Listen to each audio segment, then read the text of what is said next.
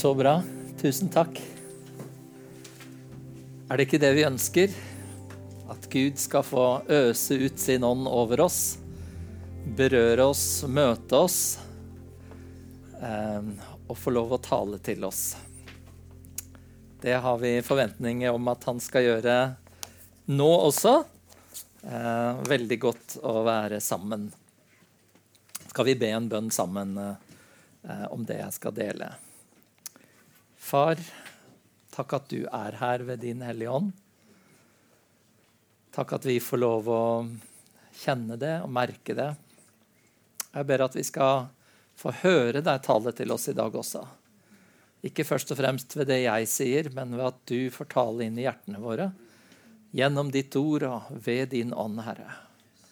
Og så ber jeg at du skal få berøre oss alle sammen, både vi som er her, og de som sitter i stua, eller hvor de kan være og se på. Herre, takk at du er alle steder nærværende med din ånd og med din kraft. Og vi takker deg for det, Herre. I Jesu navn. Amen. Amen. Fantastisk eh, å kunne møtes og være sammen. Um, og jeg har eh, egentlig mye på hjertet i dag, så eh, det blir spennende. Nå har vi jo ingen begrensninger i bakkant. Hvor lenge er det vi leier her i dag, Morten? Er det til eh, Ja. Men eh, så hold dere fast, holdt jeg på å si, og vær klare eh, for eh, å dele ja, en god porsjon Guds ord sammen i dag, håper jeg. Men før jeg gjør det, så har jeg lyst til å bare vise dere et lite bilde fra Bulgaria. Eh, og for dere som ikke ser så langt, så står det øverst der Tentrostart i Dabovo, som er en liten landsby i nærheten av der hvor vi har misjonssenter i Bulgaria. Eh, det er nemlig sånn at vi, eh, som kanskje noen husker, eh, støtter et, et ungt par som er ungdomsledere i denne menigheten. De mistet jobben før jul pga. koronasituasjonen i Bulgaria. Og så Ja, hva skulle de gjøre for noe? Eh, skulle de reise utenlands, eller hva? Nei, så fant vi ut at la oss være med og støtte dem en periode nå. Eh, og så utfordret vi samtidig Isos, som han heter. Eller Jesus betyr det, så det er et bra navn det for en ungdomsleder. Eh, til å, om, fordi denne menigheten har spurt om tidligere om ikke vi kunne hjelpe med et bibelstudieopplegg for ungdommer. Uh, og etter å ha tenkt litt, så um, kom den ideen i høst at kanskje vi kunne prøve å oversette og tilrettelegge tentro til bulgarsk. Så um, Jean, som sitter her nede, hjelper meg litt med å oversette til engelsk. Og så jobber vi litt med det, og så oversetter Isos til bulgarsk. Og nå har de hatt to onsdager. De er i gang. Eh, og det har vært eh, kjempesuksess allerede. Eh, her var da første gangen. Og hvis dere ser godt, så sitter de altså på noen trebenker i midten. Og så har de liksom laget seg bord da ser dere på sidene, og de er klare altså til å notere og skrive og være med, liksom. Så eh, hør, hør, folkens.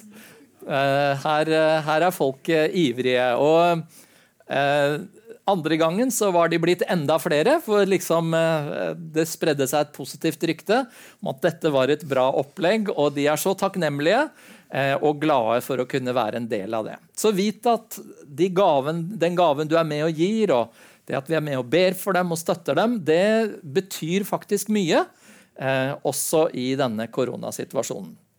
Og nå holder vi jo også på da sammen med ungdomslederne å planlegge misjonstur til Bulgaria for ungdommene i juni.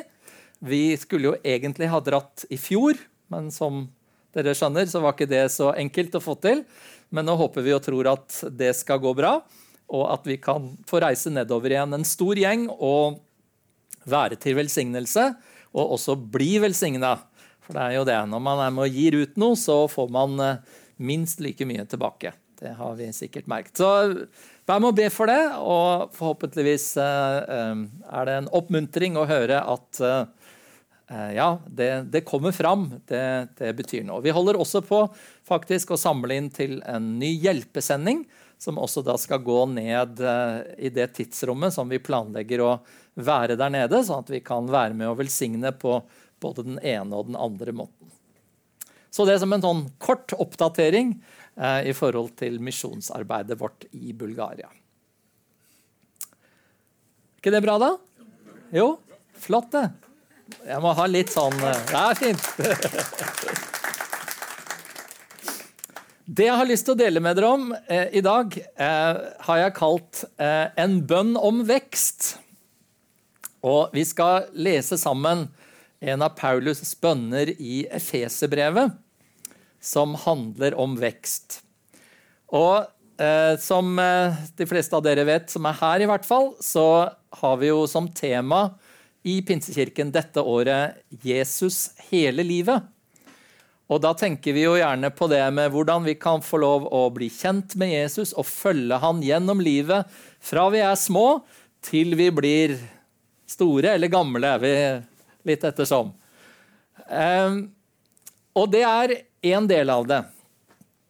Men jeg har lyst til i dag også å løfte fram også dette perspektivet at i vandringen vår med Jesus så er det også meningen at vi skal kunne vokse og utvikle oss som kristne hele livet. Du skjønner, det stopper ikke med det at vi tar imot Jesus og blir frelst. Det er liksom bare begynnelsen på denne vandringen som Gud har for oss. Og Jeg håper at vi nå de neste minuttene sammen skal kunne få lov å dele litt om noen sånne skal vi kalle det, toppunkter i det kristne livet som Gud ønsker å føre oss opp til sammen. Så jeg håper du gir meg litt ekstra tid, ekstra oppmerksomhet. Kanskje har du lyst til å ta fram noe å notere med også. Og så eh, skal vi gå sammen inn i Guds ord og lese sammen fra Efeserbrevet, kapittel 3 og vers 14 til 21. Jeg gir dere hele sammenhengen før vi går litt inn i detaljene. Er det greit? Ja, det er bra. La oss lese sammen. Efeserne 3, 14-21. Og Der står det i Jesu navn. Derfor bøyer jeg mine knær for Faderen, Han som har gitt navn til alt som heter far og barn i himmel og på jord. Jeg ber om at Han som er så rik på herlighet, må styrke dere i det indre mennesket med sin kraft og med sin ånd så Kristus ved troen kan bo i deres hjerter, og dere kan stå rotfestet og grunnfestet i kjærlighet. Da kan dere, sammen med alle de hellige, bli i stand til å fatte bredden og lengden, høyden og dybden, ja, kjenne hele Kristi kjærlighet, som er mer enn noen kan fatte, og bli fylt av hele Guds fylde. Han som virker i oss med sin kraft og kan gjøre uendelig mye mer enn alt det vi ber om og forstår. Ham være ære i menigheten og i Kristus Jesus gjennom alle slekter og i alle evigheter. Amen. Amen. Hvis du skal på en måte finne et litt innholdsrikt avsnitt i Bibelen, så tror jeg du er liksom tett på å finne Hvis du tar dette og finner kanskje et avsnitt som inneholder bare så utrolig mye eh, at det svimler litt for oss hvis vi virkelig prøver å lese. Og Paulus sine bønner i Efeserbrevet de er verdt et sånt studium. De er verdt å virkelig studere nøye. Eh, jeg, da jeg forberedte meg, så Eh, brukte jeg i hvert fall fire bibeloversettelser for å se litt sånn Hvilken skulle jeg bruke for å få formidlet virkelig det som står her? Og, jeg landet på denne for, fordi jeg syns det var et poeng å få fram dette med at alle disse tingene som Paulus eh, ber om her, de henger sammen. Og På grunnteksten er det, veldig, er det ofte sånn at her er det én lang setning hvor det ene bygger på det andre. Litt som denne bestigningen eller denne fjellklatringen som jeg brukte som illustrasjon her. Du må begynne med det grunnleggende først, før du kan ta neste skritt. Og så vokser du til neste og til neste og til neste. Det, det er en sammenheng her. Og så er det altså verdt så å liksom stupe ned i og prøve å se på noen av detaljene. Hva er det Gud ønsker å si til deg og meg, spesielt eh, i forhold til dette? En forkynner som eh, inspirerer meg i forhold til dette, eh, han holdt eh, ikke min, mindre enn var det, tror jeg, 22 prekener i sin menighet om dette avsnittet som vi akkurat leste. Martin Lloyd Jones han kaller dette også for en av de mest fantastiske fjelltoppene i hele Bibelen. Eh, og jeg tenker at det er ikke vanskelig å være enig med han. Men eh, hvis vi i hvert fall kan eh, begynne litt, ta begynnelsen av denne turen og se litt på det sammen i dag, så tror jeg at Gud vil vise oss noe mer av det fantastiske landskapet som han ønsker å føre oss inn i. Det jeg gjerne vil at du skal få tak i, er altså det er mer. Det er mer for deg og meg å vokse inn i. Det at Jesus har frelst oss, at vi har blitt tilgitt alle våre synder, at vi er på vei til himmelen, at vi kan kjenne Guds nærhet Alt det der er jo fantastisk i seg selv, er det ikke det? Men det er altså bare begynnelsen av vandringen sammen med Jesus.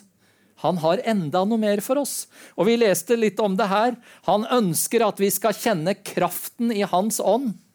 Han vil at vi skal ha inderlig fellesskap med han hver dag, sånn at vi kan være rotfestet og grunnfestet i livet vårt sammen med Jesus. Han ønsker at vi skal fatte bredden og lengden, høyden og dybden i hans kjærlighet, som overgår all kunnskap, sier Paulus. Og som ikke det var nok, å bli fylt til hele Guds fylde. Da tror jeg vi begynner å snakke om et toppunkt. Da er vi på fjelltoppen, hva? Ja, halleluja. Er vi villige til å anstrenge oss litt? Vi må kanskje øve litt, trene litt, gi noe for å komme inn i det som Gud har for oss som et neste skritt i vår vekst. Du vet, De som skal drive med fjellklatring og bestige Mount Everest, og sånn, de trener. Det er ikke bare liksom å hive seg på en sånn liten søndagstur. Eh, nei, vi forbereder oss. Vi vokser.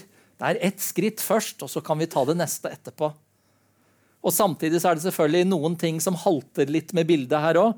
Fordi Gud ønsker ikke at vi liksom bare skal ha sånn, en sånn rask topptur, og så må vi liksom gå ned igjen fordi vi, vi, klarte ikke å være der oppe. liksom. Han ønsker jo å lede oss inn i nye områder hele tiden, hvor vi kan være sammen med han. Halleluja. Skal vi begynne med basecamp? Det er kommet et stykke der også. Her på denne illustrasjonen var de på 6400 meter allerede. liksom. Så, så, på en måte, du har kommet inn i det nye livet da, sammen med Jesus. Men det første som Paulus ber om her, det er at vi må få Ja, det står Må Han som er så rik på herlighet, gi deres indre menneske kraft og styrke ved sin ånd. Og bare for å ha sagt det med en gang, for da noen på det første gudstjenesten som syns jeg kom litt sånn fort til toppen på slutten. Men veldig bevisst så kan jeg bare stoppe litt i dag ved de to første. Og så bare liksom skissere litt ruta videre. Eh, og så kan det hende at jeg eh, kan komme tilbake til og snakke mer om det også ved en annen anledning. Men eh, jeg har kjent i hjertet mitt for denne søndagen i dag også at det er noen jeg skulle få tale kanskje ekstra til om akkurat det her at Gud ønsker å komme og styrke deg med sin kraft i det indre mennesket. I hjertet ditt, i det som du har på innsiden, så ønsker Gud å komme med sin kraft. Og det skjer ved Hans ånd, leser vi her. Du skjønner, det er helt nødvendig hvis vi skal ta fatt på en sånn rute at Den hellige ånd får komme til å styrke oss. Lufta blir litt tynnere når man kommer opp i høyden. Eh, det gjelder å være forberedt. Vi kan oppleve at kreftene kanskje lettere svikter. Eh, det er lett å se oss rundt i verden i dag og tenke at det er mange ting som er vanskelig. Eh, vi opplever at samfunnet blir mer og mer sekularisert. Vi kan oppleve å bli motløse, at djevelen angriper oss. Det er ikke bare bare med denne pandemien, har vi skjønt etter hvert. Én ting er liksom sykdommen, men det handler om fellesskap, det handler om relasjoner, det eh, ensomhet altså Det er mange ting som vi kan oppleve på veien. Og Derfor er det også så fantastisk at Paulus ber denne bønnen for efeserne, og han ber dermed også denne bønnen for oss, tenker jeg. Om at Gud må styrke oss i det indre mennesket med sin kraft og med sin ånd. Det er bra, det. At Herren vil komme og gjøre akkurat det. Han vil at vi skal vokse. Den kjente predikanten Charles Spurgeon han skal ha sagt en gang at det er et stadium i nåden som er like høyt over det ordinære kristenlivet som det ordinære kristenlivet er over et liv til en som er i verden.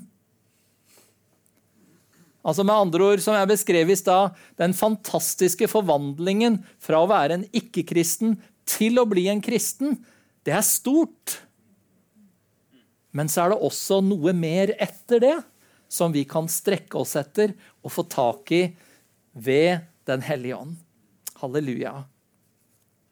Paulus snakker om det i det neste kapittelet, om å bli den modne mann som har nådd sin fulle vekst og har fått hele Kristi fylde. Der har vi det igjen. Men så syns jeg det er fantastisk her også å stoppe litt for hva er det Paulus ikke ber om for efeserne? Er du klar over at Paulus sitter i fengsel mens han skriver denne bønnen? Mens han skriver dette til efeserne. Omstendighetene hans var ikke sånn veldig enkle, de heller, for å si det sånn. Men likevel så ber ikke Paulus noe egentlig for omstendighetene. Han ber ikke for materielle behov som de måtte ha. Og han er også mye mer konkret enn å liksom bare komme med en generell bønn om velsignelse. Hva er det Paulus fokuserer på? Hva er det som er viktig når man har det vanskelig, når omstendighetene på en måte raser rundt deg? Jo, det er å bli styrket med kraft i ditt indre menneske. Det er ditt åndelige behov som kommer først. Gud han arbeider innenfra og ut med oss, og ikke utenfra og inn. Noen ganger så opplever vi at Gud bare kommer og forandrer omstendighetene sånn. Han kan gjøre mirakler. Andre ganger så opplever vi at vi må gå igjennom de vanskelighetene. Enten det er trengsel eller sykdom eller plager av et eller annet slag. Noen ganger så må vi gå igjennom der. Men Herren har sagt at han vil komme og styrke oss. Og det får meg til å på en måte understreke et viktig poeng. Guds metode for å hjelpe oss å vinne seier i alt vi møter, det er å gjøre oss sterke på innsiden. Har du lagt merke til kristne i land hvor de blir forfulgt? Hva er det de sier? Be ikke om at forfølgelsen skal, skal slutte, sier de. Men be om at vi får kraft til å være vitner om Jesus. Det er liksom det sentrale fokuset for dem.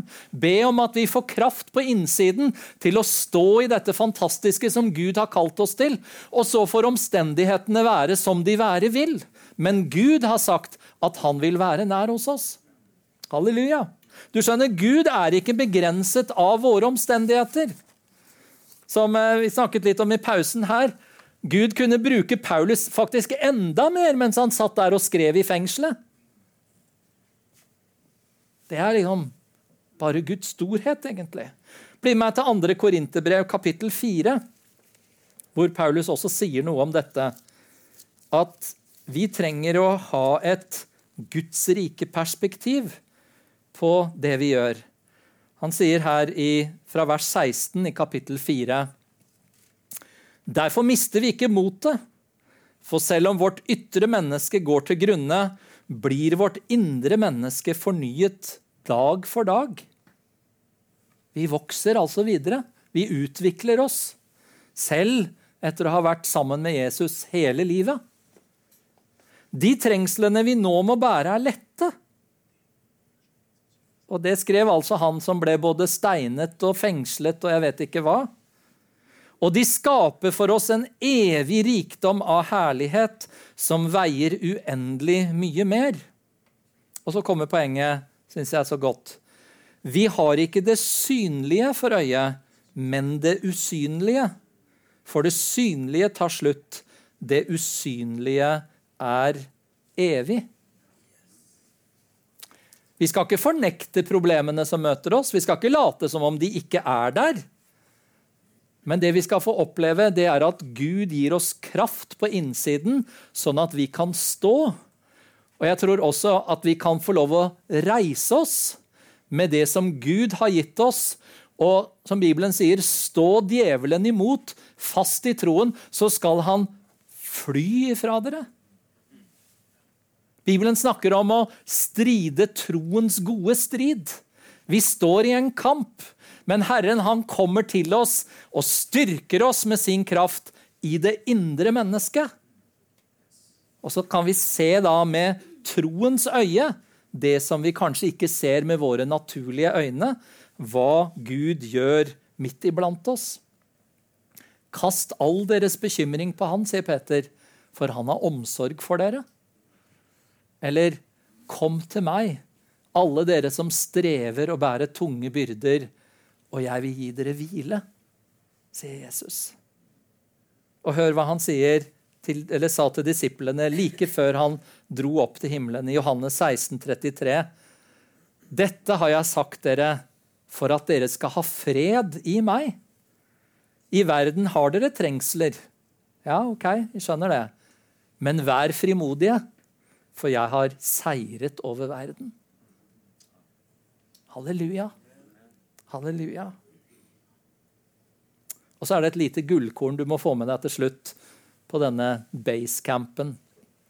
Det er da man liksom må inn og studere litt på oversettelser. og sånt. For eh, I den oversettelsen som vi leser, så står det at Paulus han ber til at han som er så rik på herlighet Ja, Det høres jo flott ut, gjør det ikke det?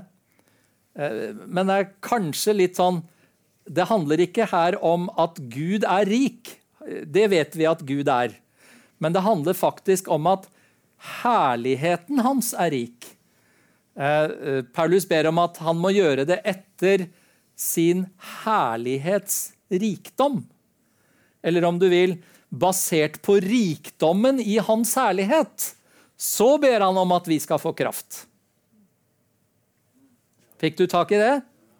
Guds herlighet er så rik og er så stor, og han har sånne ressurser. Så det er det som er utgangspunktet for at vi kan bli styrket. Ikke vår svakhet, ikke våre omstendigheter, ikke vår situasjon. Men Guds rikdom, Guds herlighet, Guds storhet, som møter oss og treffer oss med kraft og styrke ved Hans ånd. Ja. Det er et bra sted bare å være det, er det ikke det? Halleluja. Ja. Men uh, vil du bli med til en camp til? Ja. Den neste campen så leser vi at en bønn om at Kristus må bo ved troen i våre hjerter. Og her vet jeg ikke om du begynner å tenke litt med en gang. Ja, men bor ikke Jesus i hjertet vårt, da? Jeg er jo en troende, jeg er jo en frelst. Jo da, helt riktig. Jesus bor i våre hjerter. Han har flyttet inn eh, i våre liv. Den hellige ånd har født oss på ny hvis vi tror på Jesus. Så det er allerede en forening med han. Vi er kroppen, og Jesus er hodet. Så det har skjedd en hel masse med oss allerede. Men hva er det da Paulus mener her? At Kristus kan bo ved troen i deres hjerter. For han skriver jo til Efesemenigheten. Han skriver til folk som er kristne. Han ber ikke her om at de må bli frelst, at de må bli kristne. Hvis du leser de to foregående kapitlene, så leser du en masse om hva Gud har gjort for disse allerede. De har fått barnekår, de har fått ta imot Guds nåde. De har blitt, blitt, beseilet med Den hellige ånd. De har blitt reist opp fra døden og satt i himmelen med Kristus. Det har skjedd en hel masse med disse, og det har det gjort med deg og meg også. Så hva er det da Paulus snakker om her? Det må være noe mer. ikke sant? Det må være et trinn til i forhold til det med at Jesus bor i hjertet. Og Når man støter på sånne teologiske problemer, da er det ofte lurt å snakke med kona. Eh, og det har jeg gjort også. Hun er en dyktig praktisk teolog, så hun kunne hjelpe meg til å se det at det er forskjell på å bo og bo. Er du med på den? Ja. Um, ja, nå er vi så heldige å ha en leieboer, forresten. Så, men hun bor jo litt for seg selv. Vi ser ikke henne så ofte. Det er ikke sånn at vi på en måte spiser sammen hver dag og liksom eh, omgås hele tiden. Hun bor liksom litt for seg selv. Og På samme måte så tenker jeg det kan også være med Jesus i våre liv. Bor han i et lite rom på loftet, liksom? Nå gjør ikke hun det, altså, men eh, Er han en sånn som vi treffer av og til? Eller er Jesus en del av familien og sammen med oss i hverdagen. På en måte bor han sammen med oss i hele huset. Er, er han en del av våre liv? For Jesus ønsker nemlig å være det. Han ønsker å være tett sammen med oss. Og, og jeg prøvde å tenke på tre sånne enkle punkter om hva det kan bety at Jesus bor i våre hjerter ved troen. Og Det første jeg har lyst til å trekke fram, det er fellesskap. Jesus lengter etter fellesskap med oss. Intimt og nært fellesskap. Eh, I Åpenbaringen kapittel 3 og vers 20 så står det noen veldig kjente vers om at Jesus står utafor døra og banker. Og Noen ganger så har vi snakket om disse versene også som at det handler liksom bare om det å ta imot Jesus og bli en kristen. Må gjerne bruke det for å illustrere det også. Men versene er skrevet først og fremst til en menighet. Av menigheten i Laudikea, som Johannes skriver til. Og Jesus står altså her og banker, og så sier han om noen hører min røst og åpner døra, så vil jeg gå inn til ham og holde måltid, jeg med han og han med meg, sier Jesus. Og Hvis dere eh, tenker et øyeblikk tilbake liksom, til denne tiden, og kanskje også i en del andre kulturer, så forstår vi det at det med måltidsfellesskapet det var noe veldig betydningsfullt. Det var et uttrykk for virkelig nærhet og fellesskap og vennskap. Det at man spiste sammen. Og Det var derfor fariseerne var så irriterte og opprørte over Jesus. at men han spiser jo sammen med syndere og tollere. Det, det går jo ikke an å være venner med dem. liksom. Det går jo ikke an å ha fellesskap med dem. Men jo, Jesus ønsker fellesskap, inderlig fellesskap, med alle mennesker. Det tragiske for disse i Laudikea, det var at de tenkte at ja, men vi har jo alt vi trenger. Jeg er rik og mangler ingenting, sa de.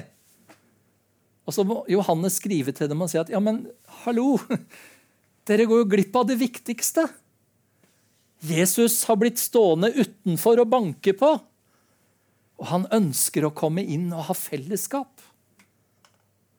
Ole Hallesby han sier det så fint i boka si om bønn at bønn er å lukke Jesus inn. Jeg tenker Vi kan inkludere Jesus i alt som skjer i våre liv. Vi kan dele sorger og gleder. Vi kan la han få være en del av det som vi gjør i hverdagen. Halleluja. Fordi han er eh, Han er der og ønsker å ha fellesskap med oss. La oss lukke opp for Jesus i våre liv. Kjennskap. Det med at Jesus kan bo sammen med oss, det handler også om at vi kan få lov å kjenne han personlig. Jeg måtte liksom tygge litt på det selv også. Hvor godt kjenner jeg egentlig Jesus? Jeg har hørt om han hele livet. Jeg får lov å be, jeg kan snakke med han. Men kan jeg kanskje bli enda bedre kjent med han? Og Hvis vi leser sammen i Johannes 14, så snakker Jesus med disiplene også om dette her. Jeg bare tar, dere ser jeg har streket under to ting her, hvor Jesus sier at 'Jeg vil komme og åpenbare meg for han', sier Jesus. Og så sier han to vers lenger ned at 'Den som elsker meg, vil holde fast på mitt ord', 'og min far og jeg, vi skal komme og bo hos han'. Og så snakker han om dette i sammenheng med Den hellige ånd. Så altså far og sønn og Den hellige ånd ønsker å bo hjemme hos deg. I livet ditt, i huset ditt. Og ønsker å ha et personlig vennskap og kjennskap hvor Jesus får åpenbare seg for oss.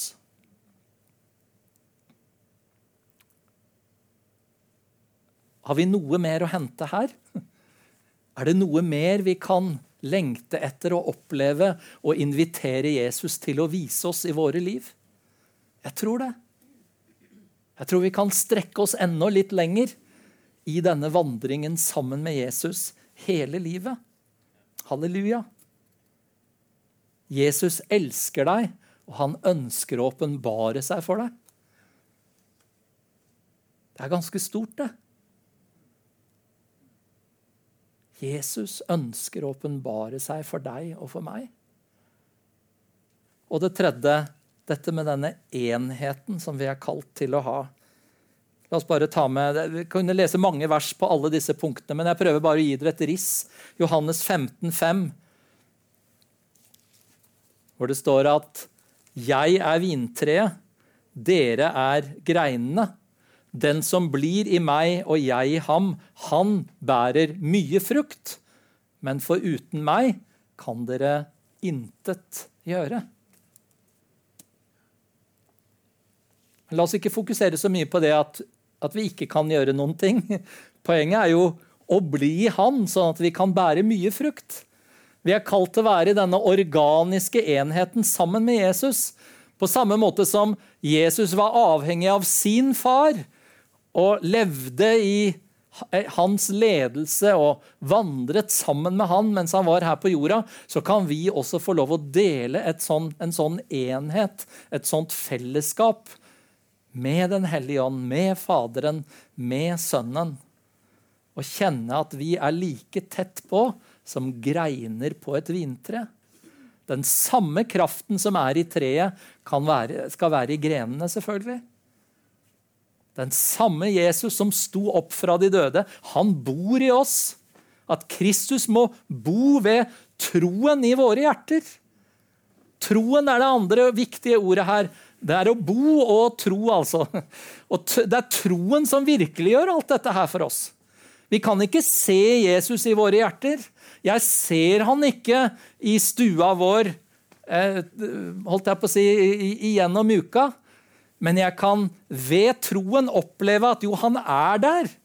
Han taler til meg, han møter meg, han er der med sin nærhet. Han omfavner meg med sin kjærlighet når jeg syns at ting er vanskelig. Han styrker meg i mitt indre med sin kraft ved Den hellige ånd. Halleluja! Og Det er det han ønsker å gjøre enda mer av. At jeg skal få lov å vokse i det og kjenne det og merke det og leve i det. Sånn at han kan få lov å bli herliggjort midt i vår hverdag, midt i våre liv. Det er bra, det. Halleluja. Det skjer ved tro. Han lengter etter dette inderlige fellesskapet med oss. Kanskje må vi slutte å tenke på Jesus som en sånn liten mann inni hjertet et sted. Altså, vi lager oss jo kanskje sånne rare bilder fra vi er små. Og for all del, bruk et bilde som hjelper deg. Men Jesus er stor. Han er veldig. Han er fantastisk. Han ønsker å være din og min venn. Han sier, 'Jeg vil komme og åpenbare meg for deg'. Er vi åpne for det?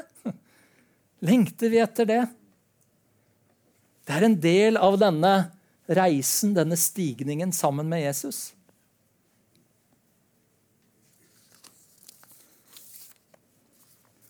Skal jeg få bare noen få minutter til å skissere litt resten av ruta? Og så, som sagt så får vi komme tilbake igjen til det senere. Kristus får bo ved troen i våre hjerter. Men vi leste videre i bønnen her at vi må stå Altså hvis, det, hvis Kristus får bo ved troen i våre hjerter, da kan vi stå rotfestet Camp 2. Rotfestet og grunnfestet i kjærlighet.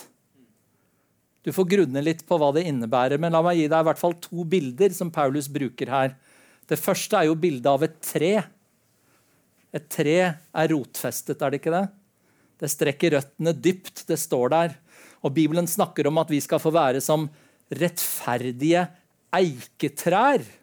Ser du de litt sånn store, majestetiske trærne som Herren selv har plantet til sin ære, står det. Halleluja. Da gjør det ikke noe om det blåser litt rundt. vet du. Da står du der bare.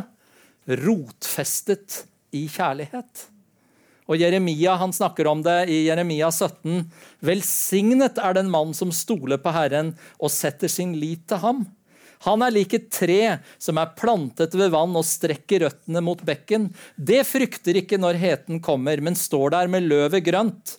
Det sturer ikke i tørketider og holder ikke opp med å bære frukt. Jeg vil gjerne være et sånt tre. Ikke du også? Og så var det å være grunnfestet da, i kjærlighet. Der bruker Paulus bildet av en bygning. Ingen kan legge noen annen grunnvoll enn den som er lagt allerede, og det er Kristus, sier Paulus. Og så er vi levende steiner som blir bygd oppå Kristus.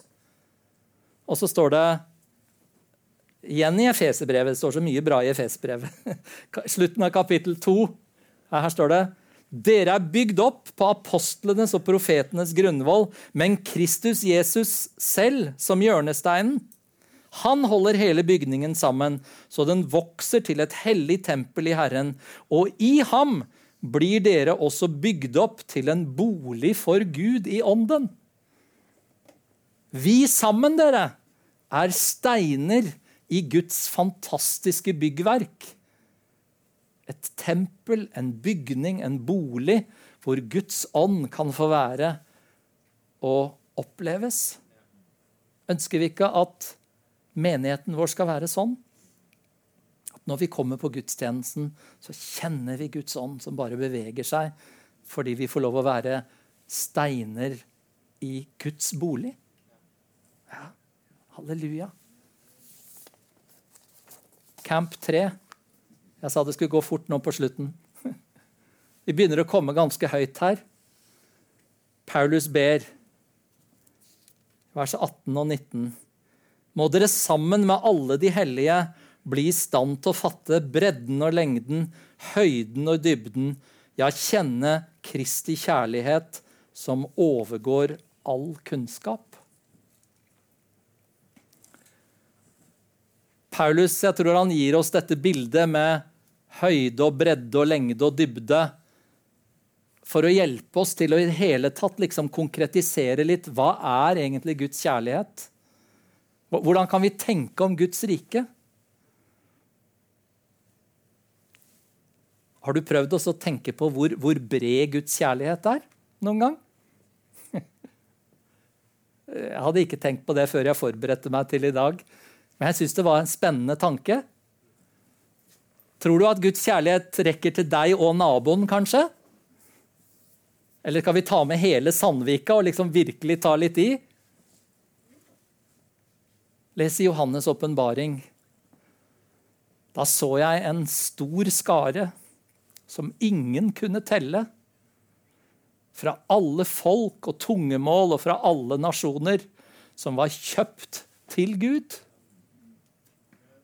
Så bred er Guds kjærlighet. Hvor lang er den, da? Kan vi regne med at den varer ut livet vårt, i hvert fall? Eller sånn til vi nærmer oss alderdommen? Hva sier Bibelen? Jo, at han hadde utvalgt oss før verdens grunnvoll ble lagt. Med evig kjærlighet har jeg elsket deg. Derfor lar jeg min miskunn mot deg vare. Guds kjærlighet kommer aldri til å ta slutt. Hvor dyp er Guds kjærlighet, da? Ja, Hvordan skal vi klare å beskrive det?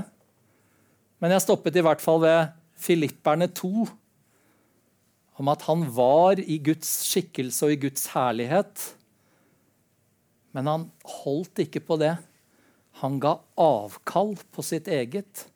Han fornedret seg selv og ble et menneske for å dø for deg og meg. Kan du se for deg det? Han som skapte hele verden, han blir et menneske for deg og meg. Det er en viss dybde i det, er det ikke det? Og hvor høy er Guds kjærlighet, da? Ja, hva skal man si? Hvordan skal vi prøve å forklare det? Jeg tenkte først på dette med at ja, så høy som himmelen er over jorden. Ikke sant? Så stor er din nåde imot meg. Ja, det er noe der. Men kanskje det også handler litt om denne fantastiske Guds plan for oss. At han ikke bare har frelst oss, men at han holder på å lede oss på vandringen sammen med seg, og sier at han har tenkt at vi skal bli lik hans sønns bilde. At Den hellige ånd holder på med å forvandle oss fra herlighet og til herlighet.